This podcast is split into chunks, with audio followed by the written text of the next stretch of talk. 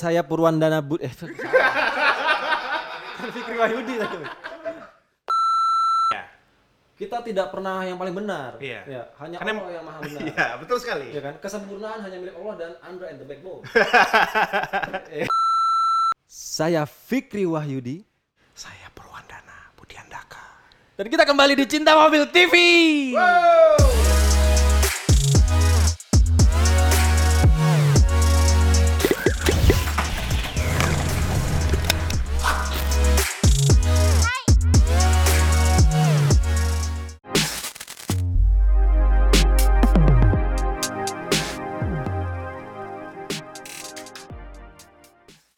kali ini kita akan ngebahas Cinta Eh, mobil. Cinta lagi mobil. di slideshow. Pokoknya mobil roda 4. Karena kita sekarang punya podcast juga di Spotify Betul. yang namanya Kajian Roda 4 by cintamobil.com. Jadi untuk Anda yang sudah menonton lewat YouTube, kalau Anda ingin mendengarkan lagi biar lebih jelas di mobil, Anda bisa langsung setel Spotify, dengerin podcastnya di Kajian Roda 4 Spotify. Dicari aja langsung di Spotify. Oke, saat ini kita akan membahas mobil-mobil baru yang akan diluncurkan di Indonesia. di tahun 2020 itu ada sekitar 20 lebih lebih dari 20 mobil baru di tahun depan. Jadi kalau anda memang berencana ingin membeli mobil baru tahan dulu sabar.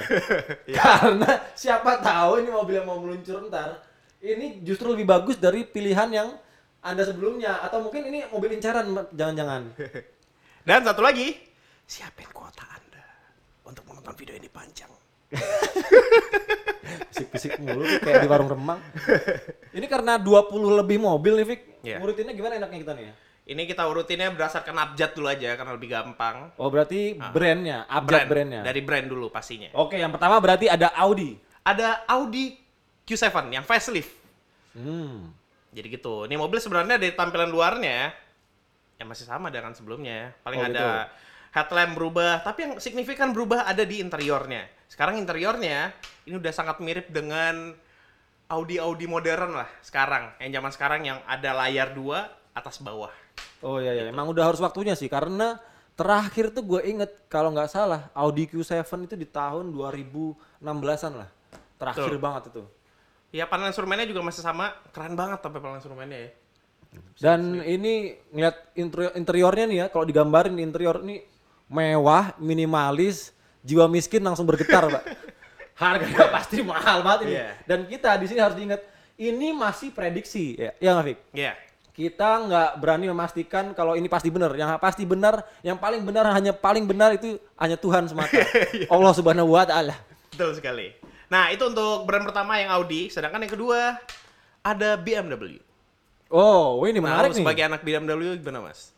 Ini prediksinya BMW tahun ini akan ngeluarin mobil yang apa ya? Pasaran niche banget nih, Vic. Ini ada BMW seri 2 Grand Coupe. Dan mobil ini akan langsung bersaing sama Mercedes-Benz CLA yang kemarin-kemarin Mercedes-Benz bisa bilang mereka nggak ada lawan nih buat CLA. Sekarang udah ada. Sekarang ada lawan nih. Kalau datang Mercedes. beneran, hmm, bahaya emang sih. Nah, seperti ini interiornya. Ini cuman kalau kita gambarin lewat penampilannya sih emang gimana ya? BMW itu karakternya memang nggak bisa cantik ya. Tetap akan terlihat sporty Atletis, banget. atletis Atletis malah. iya, bener. Muskular, muskular. Tapi emang gue agak kurang amazed gitu sama sama sama interiornya karena di setiap varian BMW udah kayak gini aja copy paste aja udah semuanya. Emang sih. instrumen, iDrive-nya juga kayak gitu, mirip-mirip banget. Ini ini kalau orang bisa ngeliat nih emang kalau pernah punya seri 3 yang baru atau G30 yang baru gitu ya. Ini persis banget sih emang mirip ya. Iya benar, dari setir. Iya plek tiplek. Bener sih, setir paling instrumen sama iDrive. Jadi gitu, untuk BMW. Lanjut lagi ada Glory E3. Ini sebenarnya kita udah pernah bikin video first impression-nya kan Eh, pas di tunggu, Fik. Glory E3 itu mobil mana nih? DFSK kan? Iya, DVSK. Oh ya DFSK ya ya. Iya, DVSK Glory kan abis B, Oh. D. Oh iya, iya. Iya, iya kan? Iya, benar benar benar. Kok berasa balik ke TK gue? Oke, Glory E3. Sebelumnya kan lu udah pernah bikin di Gias 2019. 19. Waktu itu waktu gue bikin first impressionnya itu emang eh, lagi dipamerin doang. Cuma dipamerin, kebetulan boleh masuk ke dalam, bikin reviewnya. Nah, Itu full elektris nonton, kan mobilnya masih? Ah, full elektris, bener-bener full elektris. Jadi kalau yang belum nonton, Ini kalau mau lihat mobil gimana, langsung buka channel YouTube channel Mobil TV, cari DFSK Glory E3. Udah Atau ada reviewnya. linknya ada di bagian atas. Ya. Jadi gitu. Lanjut lagi. Nah, ini perkiraan karena udah di beberapa negara tetangga udah diluncurin yang baru. Hmm, ya ya ini ya. yang Toyota eh Toyota. Apa Honda? Ketuker Sorry, dulu Honda. ya, rival tuh ketuker ya. Iya. Iya. Honda City. Honda City, oke. Ini berhubung yang varian luar negerinya, ini kalau nggak salah yang varian Thailand. Ya. Jadi ada emblem RS-nya. Oh. Karena Indonesia City nggak ada yang RS kan. Jadi tampilan overall dari keseluruhannya itu udah mirip dengan Civic Turbo. Oh, cuman ini bakal jadi masalah nih, Vic. City sekarang aja tuh udah jualnya harganya jualnya mahal banget barunya. Iya. 300 ke atas, Pak. Apalagi ada varian RS, misalnya lagi yang masuk emang pakai mesin turbo 1000 cc 3 silinder. Oh iya, iya. Wah, berapa harganya, Bang? Seharga Civic kali ya. Mahal banget City jadinya. Iya emang semoga ada perubahan pajak untuk sedan kali ya. Ya tapi sebenarnya nih Vic, yang gue tunggu-tunggu sebenarnya dari Honda itu justru mobil yang paling populer, Honda Jazz. Di Tokyo Motor Show itu udah keluar dan eh, ada banyak media lah ya yang Iya. diundang ke Tokyo Motor Show sama Honda waktu itu. Sayangnya Iya. kita nggak diundang nih belum. Iya, ya mudah-mudahan ya mudah-mudahan petinggi Honda eh, denger ya. Eh, eh, kalau bisa ya, kita berharap banget insya Allah kita diundang tahun ini gitu ya ke Tokyo Motor Show ya. Oke, jadi Nah ini interiornya seperti ini. hmm, keren sih. Iya. Tapi gue akan agak skeptis nih, agak curiga ya. Head unitnya ini bakal diganti pakai model floating kok sampai Iya Indonesia. benar. Karena di sini pasti di Indonesia orang lebih memilih dengan head unit lebih besar. Iya, benar sih. Tapi ya gitu harus floating mau nggak mau. Ha, ha, ha. Honda Jazz tuh, eh tapi balik lagi ke Honda Jazz nih. Gue jujur aja justru lebih pengen Honda Jazz daripada Honda City ini kalau Honda, Honda mau masukin mobil baru ya. Iya. Walaupun bentuknya emang katanya orang nih Honda, Honda Jazz yang baru tuh nggak banyak yang suka tapi gue pribadi nih seorang Nanda walaupun gue nggak pernah pakai Honda tapi gue Gue pakai Honda. nggak tahu lucu aja tuh Honda Jazz. Ini nanti kita akan ngebahas sedikit seperti apa Honda Jazz atau Honda Fit lah di Jepang. Lanjut lagi Oke. ada CR-V. CR-V sih sebenarnya eh, mobil ini kan udah lama nggak di facelift ya. Ah. Udah ada tahun 2017 kalau nggak salah. Iya, Terakhir iya, iya. facelift kan 2017 Iya, iya, ya iya, kalau nggak salah. iya. Sampai sekarang belum ada penyegaran. Dan kita yakin kalau nanti di tahun ini 2020 akan ada penampilan baru lah. Iya, iya. Kalau ingat-. Kalau ingat umurnya sih udah tiga tahun emang Fik harus Iya. segera tuh kalau enggak ya orang mulai bosen tuh bahayanya tuh ya kan. Iya, si X5 aja udah keren banget kan sekarang. Apalagi Honda CR-V ini salah satu ini nih, salah satu produk paling laku di Honda saat ini gitu. Betul sekali. Lanjut lagi. Nah ini, nah perkiraan katanya nanti setelah facelift di 2020, gue baca dari pemberitaan luar negeri gitu, Oh. tampilan dalamnya ini udah mirip banget dengan Accord yang terakhir kemarin di launching di Yas. Oh, keren Tampilannya udah kayak gini katanya, tapi kita berharap juga Mudah-mudahan beneran sih. beneran beneran. Keren keren kalau pakai kayak Honda Accord gini, wih cuma cluster digital nih ya. Buat yang denger podcast. Terus head unitnya udah kayak Accord tuh yang model Iya. floating. Eh, Floating. bukan floating sih, apa sih yang Kayak tablet. kayak tablet yang Iya. kayak di Mercedes Benz gitu Iya. nah kalau punya Mercedes nah tuh nih kayak mirip itu keren banget parah parah sih keren banget nih Honda CR-V kalau kayak gini nih cuman luarnya ya emang gak banyak berubah sih Vic sayangnya itu ya Iya sih. Oke, kita lanjut lagi. Ini yang tadi yang kita sebutin dari tadi tuh. Honda Jazz. wah kan tuh Tuh. bentuknya emang bagus Vic iya bener. menurut gua sih pasti banyak yang bilang jelek kayak ada yang bilang kayak Enggak. jili lah wah duh Iya benar sih, tapi gitu rata-rata mata orang Indonesia Hmm. yang gua rasain dulu pas pertama kali dari Kijang Kapsul Heeh. sampai ke Kijang Innova, gua bilang Innova tuh jelek banget asli, oh gitu ya jelek banget. Tapi jadi karena belum terbiasa sebenarnya iya, ya kan setelah itu udah satu tahun setelah itu peluncuran Innova, gua Hmm. ngerasa kok ini lebih keren dibanding Kijang Kapsul. nah iyalah orang lebih baru Nah, sama nih bakalan kayak Honda Jazz ini Makanya mungkin terjadi akan di Honda Jazz ini kita melihat pertama, aduh ini mobil apaan sih? Tapi kalau dilihat lama-lama kok jadi keren gitu, jadi Hmm. lucu gitu kan. Seperti ini interiornya. Uh bagus minimalis. Kalau digambarkan ya, itu eh, lingkar kemudinya tuh ada cuman dua palangnya. Oh iya. Jadi iya. kayak pesawat kayak di Peugeot 5008. Oh iya. iya. Futuristis banget. Asli keren banget ini sih, Pak. Iya sih keren. Head unitnya bagus, terus warnanya cerah gitu. Wah, ini sih kalau masuk Indonesia sih pengen banget gua. Tapi emang dia mengejar segmen yang orang-orang yang stylish kayak gitu-gitu kan. Iya, iya. Dan Ngeliatnya- mungkin mungkin gimana ya? Cewek bakal suka sih ini. Mungkin ya. Tapi buat cowok sih buat gue juga masih oke lah, nggak kelihatan banci-banci amat gitu. Tapi khasnya sebuah Honda Jazz itu tetap ada ya. Apa di tuh? pilar A-nya itu Ada lebar. kaca. Oh iya benar. Tapi nih Vic, kalau lu perhatiin di Honda Jazz yang baru ini, pilar A-nya yang paling ujung itu makin kecil nggak kayak dulu. Oh, jadi blind spotnya semakin berkurang lah ya. Benar, fungsinya pasti itu sih dan jadi lebih gampang pasti ngemudiinnya. ya. Betul sekali. Dan ini Honda Jazz ini kan jadi basicnya buat Frit juga kan. Waduh, harusnya sih Honda masukin Frit lagi lah pak. Iya. Iya, Pasti kayak gini nih mirip-mirip ya. Iya, keren udah Frit yang baru Iya. mah. Udah ngelihat eksteriornya mirip banget sama sama Masa Sienta main sendiri? Iya, kasihan ya Sienta Iya, ya. temennya. Menang banyak Toyota. Lanjut lagi. Ini ada Hyundai Ioniq. ya. Hmm. Nah, Gimana? kalau ini sudah bisa dipastikan. Eh, ini gua bener-bener dapat informasinya dari orang dalam Hyundai lah. Oke. Ini Mereka hybrid ya? Hybrid, Hybrid ya? ada yang hybrid, ada yang elektrik kalau di luar negeri. Oke. Tapi kayaknya yang masuk Indonesia ini bakal hybrid dulu sih. Lawannya Karena- Prius dong berarti jatuhnya. Oh iya, karena ini sih ya gimana ya? Karena eh, ya gitu industri otomotif itu kan sebenarnya di luar negeri udah mulai merujuk semuanya elektris. Udah mulai Iya. bahkan ada yang memutuskan untuk memberhentikan produksi mesin konvensional di gitu ya. 2025 kan. Makanya mau nggak mau emang kalau mau bersaing sih Hyundai harus mulai sekarang yang bener nih nurunin Ioniq biar orang tahu dulu nih, wah Hyundai ternyata punya mobil hybrid. Tapi menurut lu eh, apa namanya?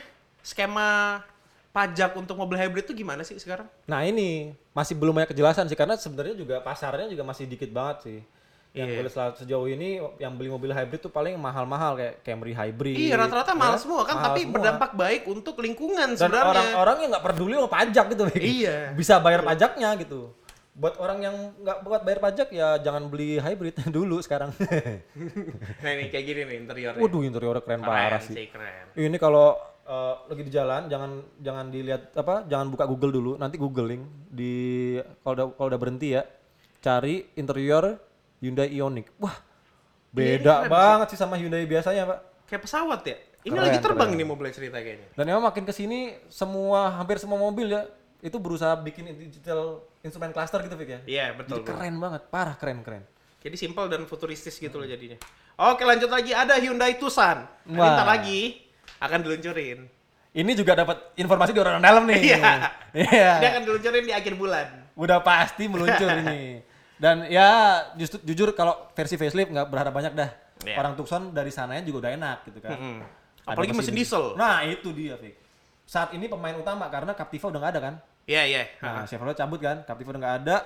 Yang mesin diesel medium SUV cuman Tucson doang. Terbaik, enak banget itu. Ini awalnya eh ini mobil juga udah lama juga ya. Udah lumayan. Udah lama kan? Nah, tampilan interiornya masih mirip-mirip lah, masih 11 12 Mirip. dengan yang sebelum. Ya ya yang kita Sama bisa yang tahun 2017 gitu itu masih sama. ya yang kita bisa harapkan sih paling ada pergantian di head unit lah ya. Iya. At least Ini sama- Mudah-mudahan kayak gini, kayak Santa Fe. Iya, itu dia kayak Santa Santa Fe. Ya. At least sama sama Kona lah. Iya, betul. Biar Bisa main keren. game. iya, biar keren. Lanjut lagi ada Kia. Seltos. Ya, Seltos. Wah, ini juga Ini udah pasti keren. meluncur. Ini masih meluncur, Vic. Orang Ini dalam keren. lagi ini. Ini keren banget sih ini ini mobil. banyak informasi orang dalam ya. Dan kayaknya emang udah banyak dibahas juga sih di media-media online lain, di Instagram, ini gambarnya udah banyak. Hmm. Kalau orang ngelihat Kia Seltos ini emang tampilannya langsung, waduh maskulin abis. Ini compact SUV kayaknya ya? compact SUV, langsung lawan HRV.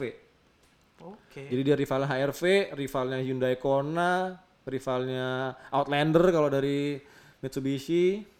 Tapi emang luar biasa ya SUV ya di global ya. Banget, Vic. Semua brand yang sebelumnya nggak main SUV Bikin SUV semua. Iya, kalau Iya. bisa sedan nggak usah dibikin lagi deh gitu. Iya. Mending SUV aja. Padahal jujur nih, secara pribadi gue lebih suka sedan daripada SUV, Pak. Iya benar. Lebih gimana ya?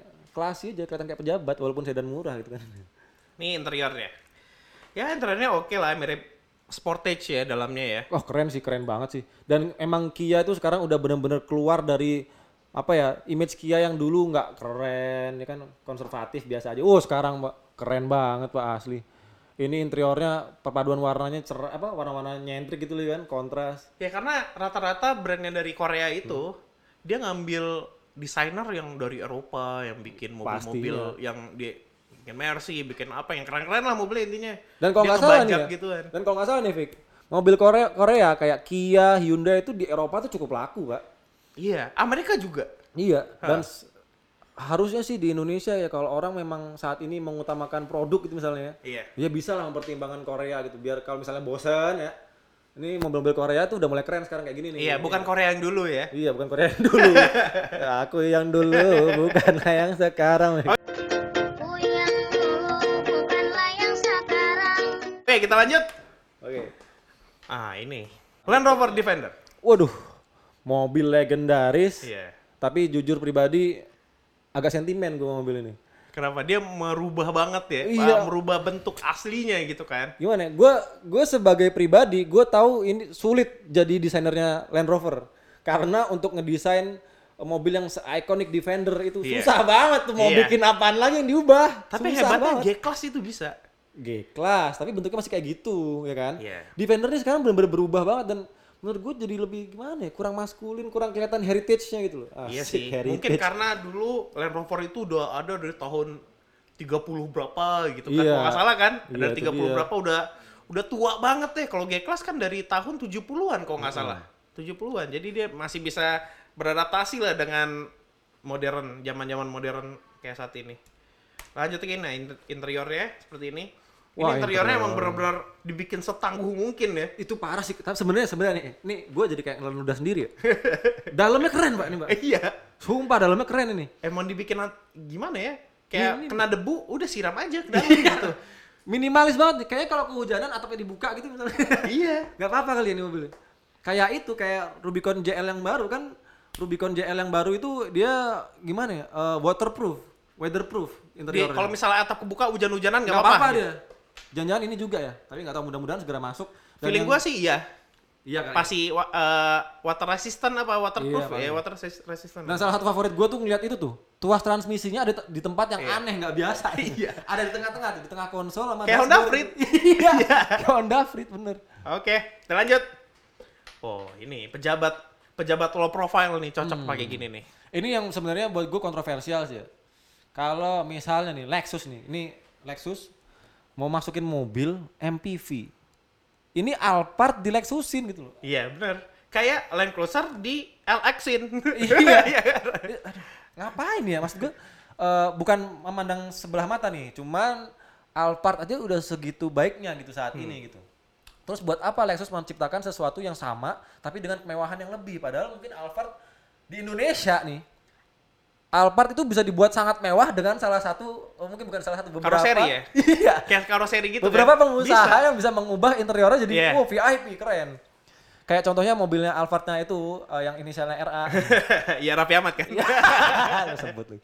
Iya, Raffi Ahmad kan itu yang bikin uh, Lombardi ya? L ya, Lombardi. Iya, L ya. Lombardi kan. Kita ntar disangka di endorse Lombardi lagi. Tapi emang itu itu aja udah bagus, Pak. Tapi tetap dari pabrik itu lebih bagus pasti ini. Oh iya, ini bukan mengunderestimate, bukan mengunderestimate, Iya, tapi lebih plek aja gitu kalau Hmm. misalnya yang dari pabrik. Cuman ini nih, satu kritik. Oke, bagian belakang keren tuh. Ada pilot seat, ada uh touchscreen itu. Wah, keren parah sih. Joknya Ih, keren joknya ya. gede banget ya. Asli keren banget. Ada TV-nya di bagian tengah nih, buat yang dengerin ini di podcast, itu ada TV-nya bagian tengah, gede banget. Iya. Ya kalau itu ya pernah lihat apa Alphardnya Lombardi, Alphardnya Raffi Ahmad, nah kayak gitu udah mirip. Iya. Mirip-mirip Cuman, kayak gini nih. Satu perhatian gue nih, Vic, di bagian itu tuh lingkar kemudinya, setirnya tuh. Itu kenapa bentuknya mirip banget sama Daihatsu ya? oh iya. Kalau ya? dari jauh sepintas tuh kayak setirnya Ayla. Oh iya bener. Bukannya gimana, cuman mirip banget asli. Oh, Apa tapi- emang ngambil dari sana? Dari segi interior eh, dashboardnya beda banget sama Alphard ya. Oh iya, iya sih beda ya. Kayak ini eh, tempat head unitnya gitu iya, iya. kan. Ini dia bertingkat infotainment. gitu ya. Iya bertingkat, gitu. Ciri khas Lexus, bertingkat, berlapis-lapis. Ibarat Keren. biskuit, itu tuh biskuit yang berlapis-lapis. Ratusan. Berapa lapis? Ratusan. Lebih. Iya, iya. Lanjut lagi. Oke, lanjut lagi. Ini, juga akan meluncur di Indonesia. Mazda CX 30. 30. Oke. 30. Oh, ini sih eh, gua hampir 70% yakin. Mengingat ya kan SUV lagi sangat digemari. Terus CX-3 udah terlalu tua, Iya. Nah, kan? CX-30 ini cuman bedanya CX-30 ini ini ngambil basis dari Mazda 3. Oke. Bukan dari Mazda 2. 2. Ha, Iya, kalau CX-3 CX-3 sebelumnya kan dari Mazda 2. Benar. Makanya mungkin ini pasti akan lebih enak dari Mazda 3 Gue yakin dimensinya jauh beda nih, Mas. dan mungkin ini iya sih dan mungkin ini malah gimana justru harganya mungkin akan lebih mahal jauh juga sih dari CX-3. Padahal CX-3 aja sekarang udah hampir 400 juta kan. Eh lebih 400 juta ya? Ini CX-30 gimana ya positioningnya? Iya kayaknya bisa 500-an juga ya? Iya, Enggak juga makanya. ya, Le? Eh tadi tahu 500 sih. bahaya buat CX-5 pak. Iya, terlalu mepet ya? Iya, CX-5 tuh 588 juta rupiah untuk elitnya. Kayak sales gue. Terus yang CS30 ini mau di mana gitu? CX3 udah 400, ini 580. Waduh, duh. Iya. Pasarnya Terlalu sih- tipis banget ya? Iya, pasarnya bakal bakal nih. Mungkin sih harganya akan berdekatan sama Mazda 3, Fik. ya? Lu udah pernah review Mazda 3 kan? Pernah, pernah. Hmm. Oke, oke. Nah, ini interiornya emang copy paste banget dari Mazda 3. Copy paste. Iya sih emang persis banget ya. iya, persis banget. Ya udah ini emang Mazda 3 yang ditinggiin. Iya, yang digemukin. digemukin di SUV-in. Iya. Tapi keren, keren. Keren banget. Oke, lanjut lagi. Hmm, ini nih salah satu pabrikan yang mungkin akan meluncurkan paling banyak di Iya. di tahun depan ya. Sama kayak tahun ini kan banyak banget nih Gue Mercedes Benz. dari tahun dari pertengahan tahun kema- kemarin sampai akhir tahun 2019 itu perasaan gue datang ke launching Mercy mulu ya. Iya makanya Mercedes Benz tuh berusaha ngegempur terus pasar di Indonesia. Semua mobilnya yang baru-baru semua dimasukin. Iya. Ini bener-bener salah satu APM premium yang paling berani sih menurut Iya, gue. semuanya jual aja udah semuanya. Iya, semua semua lini loh. semua varian masukin. mau yang udah dirakit di Indonesia, mau yang CBU semua dimasukin, Pak. Iya. Ini yang pertama ada Mercedes-Benz GLA nih. GLA ini pasti ngambil basis dari B class atau A class yang ditinggiin ya kan. Hmm. Ya mungkin kalau orang udah familiar sama Mercedes-Benz ya itulah GLA. Ini bedanya B class ditinggiin. Nah, gitu dah. Jadi kalau sekarang Mercy itu udah lengkap banget varian untuk compact car-nya ya. Iya. Ada yang A-Class sedan, A-Class yang hatchback, Hatchback. sama yang ini, Iya, sama yang SUV. B class. Wah, B-Class. Iya. dahsyat sih emang. Mantep dia. Nah ini interiornya. Ya, interior mah nggak nggak bingung Iya. dah. Ini B class banget udah. iya, iya persis, sih bener. persis banget asli. Terus nih kalau yang kedua ada Mercedes-Benz GLB. Wah. Nah ini. Ini menarik nih. Yang menarik dari Mercedes-Benz ini sih menurut gue. Ini. ini. Karena ini pasarnya di bawah Mercedes-Benz GLC Ah, ah. yang lawan X3 segala macam. Iya. Tapi di atasnya GLA. Yang GLA itu ngelawan X1 gitu kan. Nah, GLB gua rada bingung sih sama tengah-tengah nih mobil. Kalau gua disuruh milih ya, GLC atau GLB, gua GLB karena dia ada tiga row. Mungkin gua lebih lebih milih rame-rame gitu Lo- kan jalannya. Dari tampilan lu dan kelakuan lu yang anak muda banget sih nggak menampilkan sebagai family man ya kenapa lu milih Seven Oh row? ya? iyalah, men lah. Oke oke. Ya dalamnya kayak gini lagi. Oh dalamnya persis banget ya. Ini dalamnya B class juga ya. Ini gue Iya. agak bingung nih. Tapi Dia lekukan di dashboardnya itu yang agak berbeda di atas yang kanan tuh yang bagian penumpang. Ini nih menarik banget ini sumpah nih GLB nih. Mau ngelawan siapa dia nggak ada lawan lagi. Iya, nggak ada. Kemarin Mercedes CLA nggak ada lawan, Mas eh, BMW seri 2 datang nih ada lawan. Iya, nggak ada lawannya. Sekarang GLB udah nggak ada lawan lagi. Wah buset. Oke lah. Nah ini GLS. Nah kalau GLS nggak bingung lah, pasti bentuknya masih mirip-mirip ya kan. Iya. Gede Cuma banget loh ini gede mobil banget asli. 5 meter pak. 3000 cc V8 ya? Eh V6 ya? V6. V6. Ya ini V6 pas 6 silinder. Nah, antara itulah pokoknya. iya antara Pokoknya iya, 3000 ini dia cc. 6 silinder. Iya, 3000 cc. 3000 cc. 3000 cc pokoknya. Kayak bukan V6 dalamnya sih. kayak GLE yang kayak udah pernah lu review. Oh keren sih, keren sih. Keren, keren. Oh kalau yang belum nonton review GLE, mendingan nonton dulu karena GLS ini mirip cuma dia lebih panjang. gitu. Iya. Nonton di Cinta Mobil TV ya, jangan di tempat lain. Oke, ini dia brand baru yang akan masuk Indonesia. Wah. MG Morris Garage. Morris Garage nih, Apa garage ya? iya bahasa Inggrisnya mungkin yang keren gitu. ya. Morris, Mor- gimana? Morris Garage. Oh, ya. Oke. Jadi gitu ya. Iya gitu kali. Yang Jadi kalau gitu. ditanya orang biar Ntar kita tanya aja yang Iya. mempunya. Dia kayak gini nih suaranya. Morris Garage. Eh, Morris Garage ini brand baru, Hmm. tapi eh, usut punya usut, dengar punya dengar asik. Ini dia masuknya itu di bawah SGMW karena dia emang satu grup sama Wuling. Iya, Jadi iya. Wuling itu memang di bawah PT SGMW. Ntar em, Morris Garage ini juga di bawah SGMW, memanfaatkan plan atau eh, apa namanya pabrik dari Wuling. Oke. Sedangkan kalau dari segi brandnya, brand yang global yang ini, itu ternyata brand Inggris yang dibeli, diakuisisi oleh perusahaan uh, plat merahnya dari Cina lah. Oh gitu. Oh Ah. hebat emang hebat emang Cina Cina emang hebat, hebat banget dah. Jadi gitu. Ya ini untuk yang medium SUV. SUV. Oke. Nah ini, Ini. MG ZS ya? HS. Oh HS. Ya, HS. compact SUV yang ZS. Tuh kan, ini ya. kalau mobil-mobil MG ini masih, aduh gimana ya? Ini mirip Mazda loh. Lihat Iya. ini. Eh, dia juga ada kolaborasi sama Mazda loh. Nah ya kan, berarti emang itu pinternya Cina tuh. Mereka mau Iya. create sesuatu dari yang mereka udah pernah bikin. Langsung bikin baru lagi. Dan ini kalau nggak salah tuh ya, mereka punya varian apa elektrik. Iya, iya. Yang Ah. ZS mah HS nih gitu. Ada ada Yang ZS. punya varian elektrik kan. Langsung, Pak. Wah. Ini lihat dong setirnya. Cuman yang harus eh, menarik dibahas lagi, Vic, Morris Garage itu kalau di Inggris itu ngejual wuling almas. Oh gitu Kalau di- eh, medium SUV-nya. Di Inggris apa di mana? Pokoknya di negara barat lah. Ah. eh, budaya barat, kita kan budaya timur. Iya. Morris Garage itu namanya yang kayak wuling almas namanya Morris Hector. Oh gitu. MG Tapi Hector. eh, bentuknya almas. Almas sama kayak Chevrolet Captiva di Thailand. Oh iya. Kayak gitulah. Ya kalau udah perusahaan gede mah enak aja bagi-bagi platform, bagi-bagi model gitu-gitu. Dan Kan tinggal rebate saja. Sepertinya emang harus diwaspadai sini. Per- apa merek merek-merek lain tuh harus waspada karena eh, brand-brand dari Cina ini memang mereka kayaknya serius investasi di Indonesia untuk bikin apa ya jualan mobil-mobil ini gitu. Iya. Apalagi listrik ya. Iya kan, sebentar lagi industri mobil menuju ke sana walaupun kita memang ya mungkin belum siap ya industri di Indonesia. Cuman di luar negeri semuanya udah menjurus ke sana. Oke lanjut lagi. Nah ini yang varian lebih kecilnya. Oh ZS nih. Ya. Keren-keren bentuknya, Pak. Tapi sebenarnya mirip-mirip ya. Iya mirip-mirip emang. Jadi nih ya, kalau yang Grillnya nonton itu loh kayak Mazda banget. Iya, tapi kayak Mazda nih bentuk bentuknya luarnya nih. Iya. Tapi dalamnya kayak diamondnya Mercedes Benz. Iya.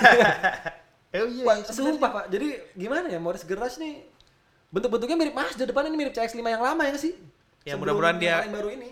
Mudah-mudahan dia keren lah ya. Ini kan Keren, kita keren, lihat keren. foto keren ya. Mudah-mudahan pas kita Keren ngeliat banget. mobilnya lebih keren lagi. Begitu. Nah, ini tuh dalamannya kan tuh.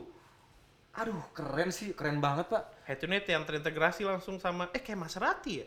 Apanya Mas? Tengahnya, Jauh juga. tengahnya kayak Ghibli. Jadi nih, kalau digambarkan ya buat yang yang dengerin ini di podcast, ini dashboardnya tuh minimalis, ya ciri khas mobil sekarang lah ya. Hmm. Tengahnya tuh mirip-mirip kayak mobil apa ini ya? Mazda lah, masih Mazda nih. Konsol di Iya, iya. transmisinya ini mirip Mazda tuh, sumpah mirip banget ini pak. Itu eh, yang AC-AC Knop itu- AC-nya mirip Mazda AC. kan? Heeh. Tuh, head unit nih malah mirip X-Trail. nih. Iya. Dicampur aja semuanya Nah, iya. Tapi emang beneran mirip-mirip pak. Ini ntar googling ya kalau udah nyampe eh atau habis nyetir. Itu terus eh, ventilasi AC-nya yang paling pojok kanan kiri bulat kayak Iya. jetnya Mercy. hmm, kan? Ya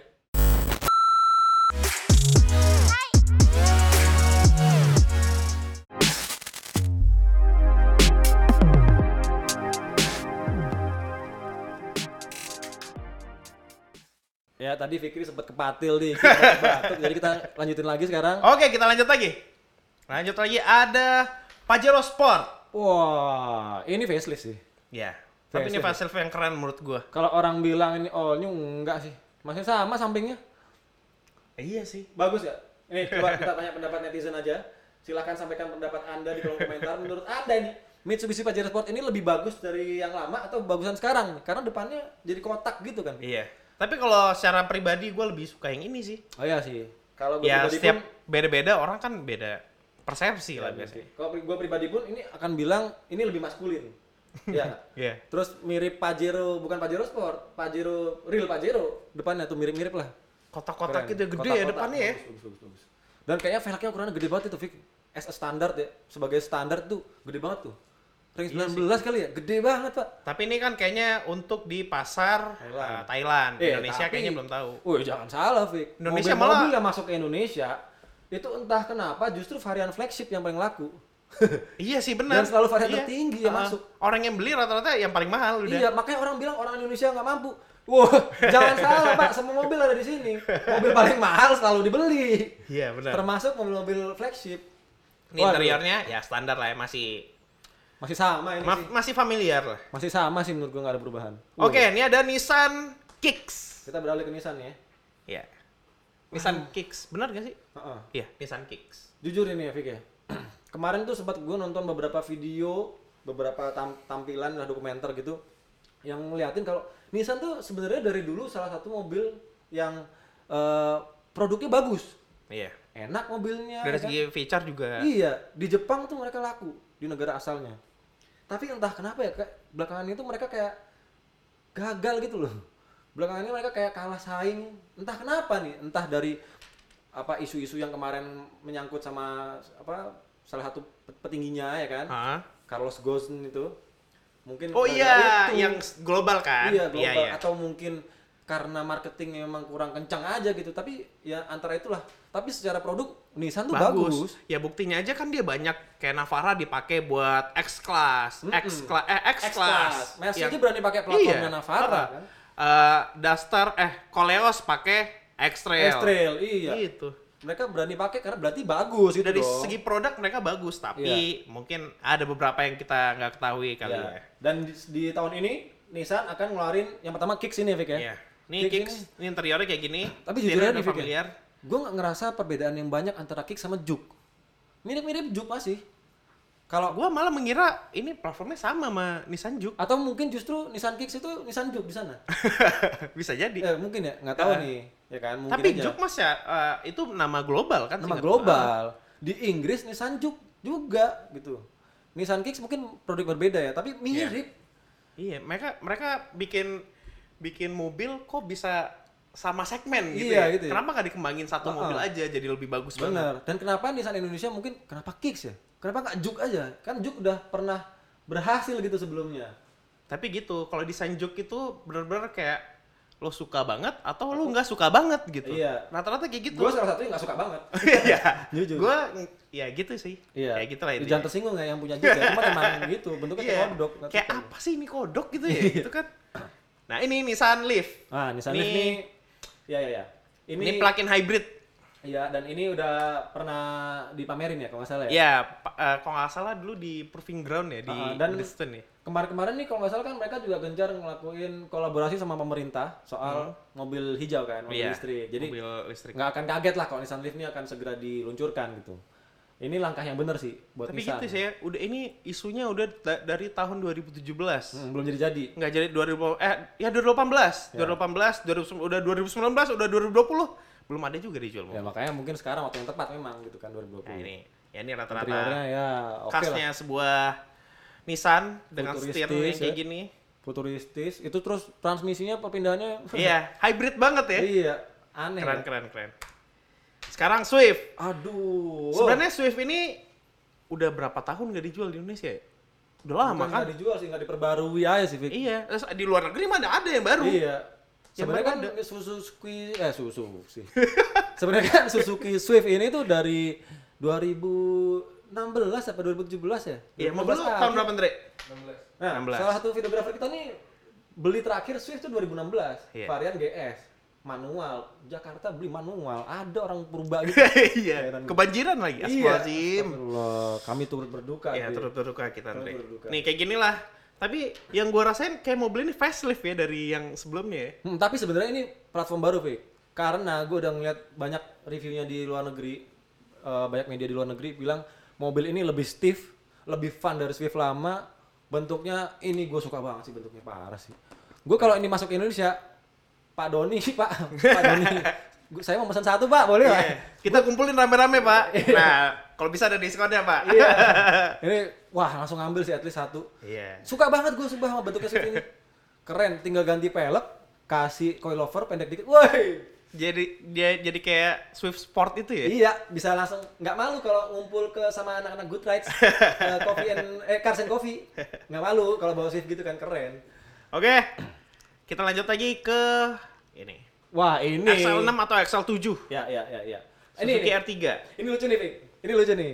Jadi waktu beberapa waktu lalu gue nonton video YouTube yang review soal Baleno baru. Ada media sebelah, teman kita lah. Ah. Netizen tuh ramenya bukan bahas Balenonya. Ramenya bahas mobil di belakangnya. Tidak mobil di belakangnya itu ini nih. Emang iya? Iya, XL6 ini. Jadi kalau di Indonesia katanya Itu di masuk mana? XL7 kayaknya di ini sih di gudangnya Suzuki kayaknya. Oh ada. Ada ternyata mobilnya kayaknya udah ada. Oh. Dan ini pasti masuk sih dan mobil ini akan langsung bersaing sama Honda BRV, Iya. ya kan? Rush, Rush, Terios. Terios, DFSK Glory 560. Iya 560. Heeh. Terus Iya compact lagi? SUV yang 7 seater lah ya. Iya, Expander Cross. Cross Iya, ya, jangan lupa. Tapi ini R3, versi R3-nya. Kalau belum tahu mobilnya, langsung googling atau nonton di video kita nih Cinta Mobil kalau dengerin Podcast. Biar ngeliat langsung mobilnya. Interiornya ya masih Ya, R3. R3 banget. R3, tapi lebih keren nih. Biasa lah yang ya. Kan kalau di R3 eh, wood wood panelnya tuh trimnya coklat gitu kan. Ini warna gelap, oh keren pak. Iya sih ya. Kesan mewah ya, bagus ya. Maskulin. Mantap maskulin. wood panelnya. Lanjut lagi. Ini masih ya Toyota tahu sendiri lah ya kalau misalnya dia mau ngeluncin mobil nggak pernah bocor ya Nggak kayaknya pernah ya. bocor, asli nggak pernah bocor. Hah? Nggak pernah. Nggak pernah kan? Pinter banget Toyota Ya karena nggak ada yang tahu kayak gimana ada facelift ya, tapi dia ngeliat di ini iya desain Ini shout out to Ia Design, keren Iya. banget desainnya. Jadi Iya. ini mungkin gambaran eh, Innova, Innova baru. yang mungkin facelift ya. Wah, kalau kayak gini sih keren ya. Kayak Altis ya depannya. Iya keren banget Keren asli. sih. Keren keren. Jadi futuristis. Cuman gimana ya Kijang Innova pasti wah tetap laku sih mau keren se- kayak Iya. apa juga tetap laku Pak pasti Pak. Mau harganya jadi mahal juga Tapi kalau kayak gini ini keren sih. Kalau kayak gini ya. Kalau kayak gitu. Tapi kayak biasanya nih yang di render-render ini beda pasti ujung-ujungnya udah kayak dulu Ini terlalu lebih ekspektasi ini. Iya. pengalaman sebelumnya kita di Toyota Avanza. Iya. Renderannya bu keren, Pak. Iya. Diharapkan TNGA ternyata ya masih yang lama, tetap pakai gitu gitu kan. Ah, gue nggak yakin juga sih eh, Avanza itu TNGA. Enggak lah belum. Mau berapa harganya bos? Iya. Iya kan? Eh ngomong-ngomong TNGA, ada satu brand yang kita ketinggalan nih, Vic. Apaan tuh? Daihatsu. Oh, nah, iya? Daihatsu tuh kemarin banyak yang bahas di media online di Indonesia. Itu akan bilang kalau Daihatsu Rocky, Rocky Balboa tuh masuk ke Indonesia. Siapa tuh Rocky Balboa? Dah.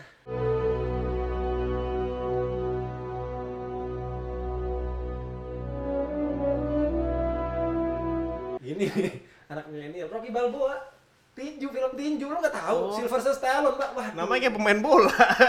anak milenial emang begini nih ketahuan umur gua kan Oh.